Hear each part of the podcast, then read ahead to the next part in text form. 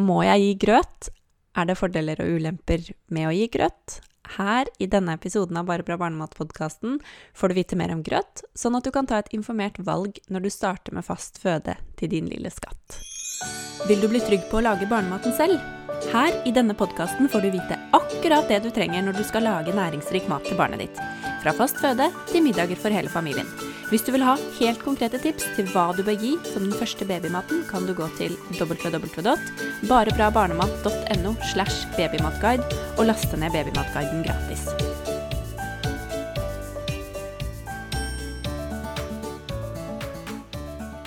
Mamma hun elsker til min stefars store fortvilelse å spare på ting og tang, og fyller opp både kjeller og loft.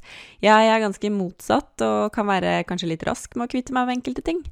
Men eh, noe hun har tatt vare på som er eh, veldig spennende å lese i nå, syns jeg, da, er spedbarnsboken fra 1985, altså det året jeg ble født.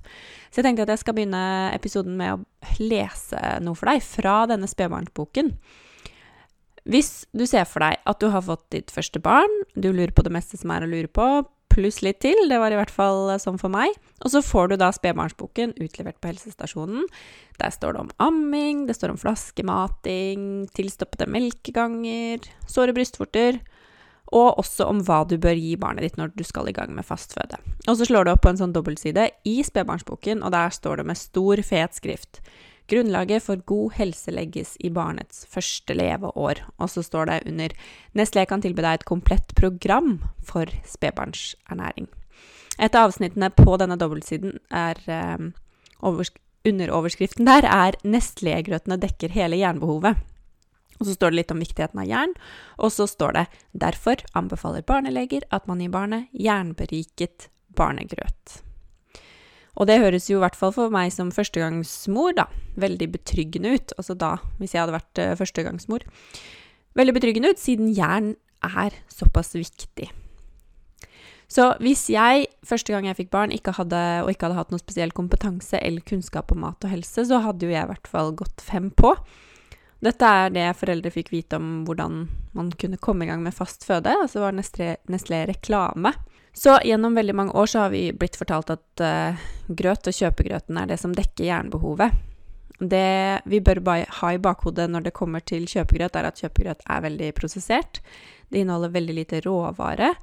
Det at den er såpass eh, prosessert og kommer i pulverform, det endrer også måten som barnet fordøyer på. I tillegg så er den tilsatt kunstige vitaminer. Og kjøpegrøten er tungt fordøyelig for små barn, og mange babyer kan få plager når de får kjøpegrøt. Men dette her tenkte jeg jo egentlig at jeg skulle snakke mer om i en egen episode. Fordi her skal du få fordelene og ulempene ved å gi hjemmelaget grøt. Så skal jeg ta kjøpegrøten Jeg skal la den bli til litt senere. Men det jeg ville få frem med dette, er at barnematindustrien sin intensive markedsføring har jo fått påvirke da valgene våre i veldig lang tid. Og grøt er veldig innprentet hos oss. Vi har jo tradisjon i Norge for å gi grøt. Og for mange så er det en selvfølge at man må, på en måte, må i gåsetegn, starte med grøt til babyen. Og ofte så er det jo også det man får råd om.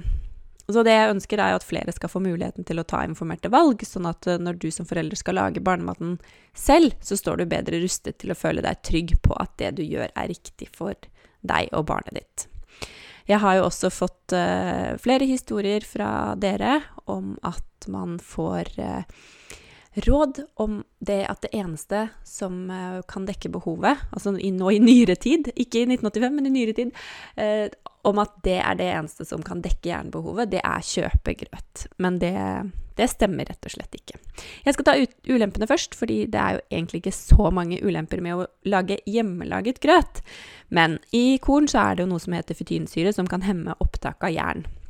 Når korn eller mel bløtlegges, så vil jo denne da fytinsyren den brytes ned av et enzym som heter fytase, som også finnes i kornet. Det betyr at man kan øke jernopptaket fra grøtmelet ved å legge det i bløt. Én time, det holder kjempegodt, men legg det gjerne i bløt over natten.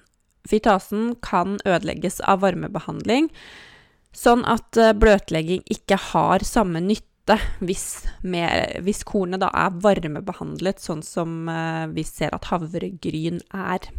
Det er jo derfor bedre å lage grøt av ubehandlet havremel som er bløtlagt, enn å lage vanlig havregrøt av havregryn. Dette her gjør jeg selv, og jeg lager grøt av havregryn, men jeg prøver å bytte litt på.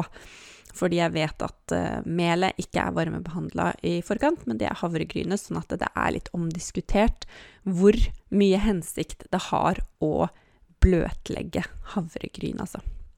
Krisander han eh, spiser jo selv, altså sønnen min, han har syv måneder. Så han er ikke helt dreven med skjea enda, og det er jo bare sånn det er. Men uh, det er jo ekstremt grisete. og det setter seg som lim overalt. Altså den grøten han skal spise selv med skjea. Og sånn er det jo bare. Men eh, jeg har ikke gitt så mye grøt. Men Krisander han spiser grøt i fast form, og det er jo brød. Så ulempen der er at det er veldig grisete. Men samtidig så er det mange som ikke tenker at uh, gir man brød, så er jo det grøt i fast form. Fordi uh, spiser man havrebrød, så kan det være de samme ingrediensene i et havrebrød som det er i havregrøt, f.eks.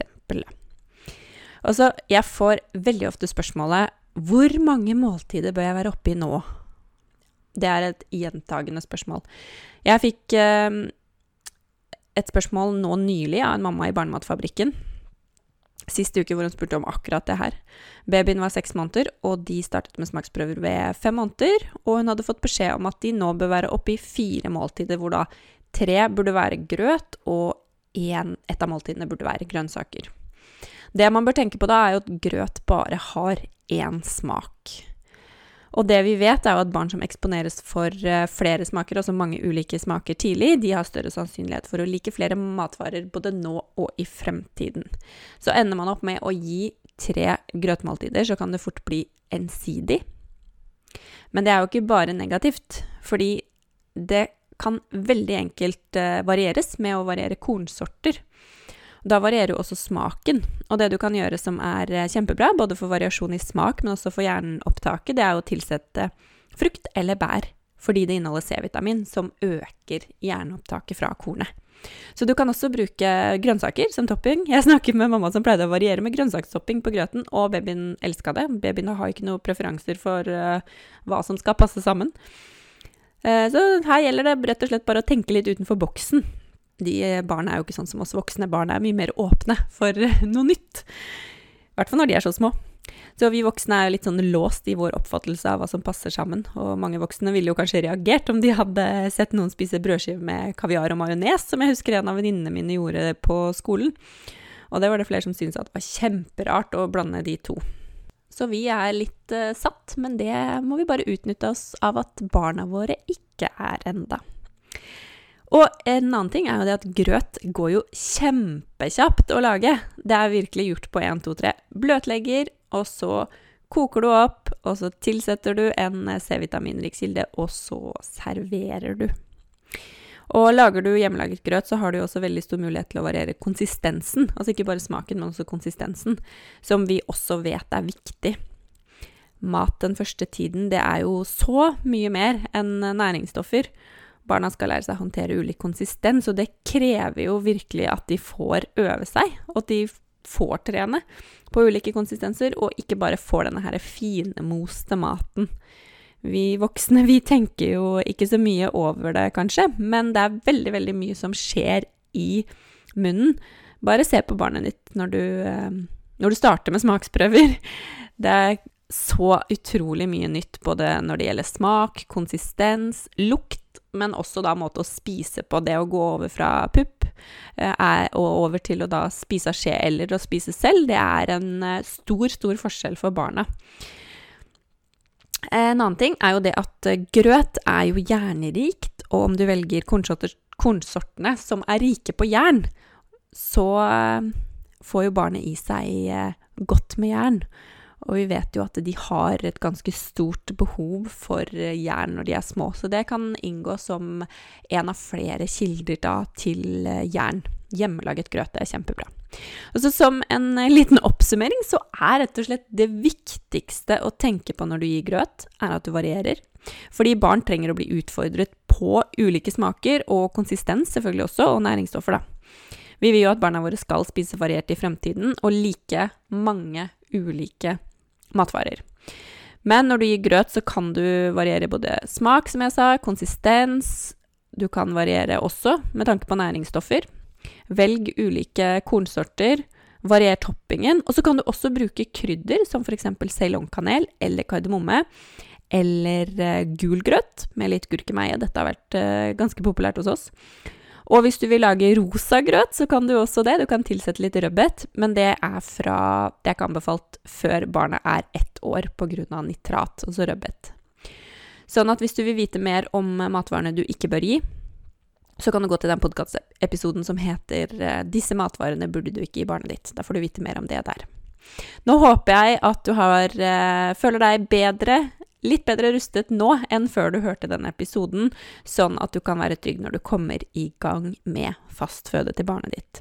Hvis du vil ha inspirasjon og oppskrifter, også grøteoppskrifter, til den første babymaten, så kan du laste ned Babymatguiden på www.bareprabarnemat.no slash babymatguide.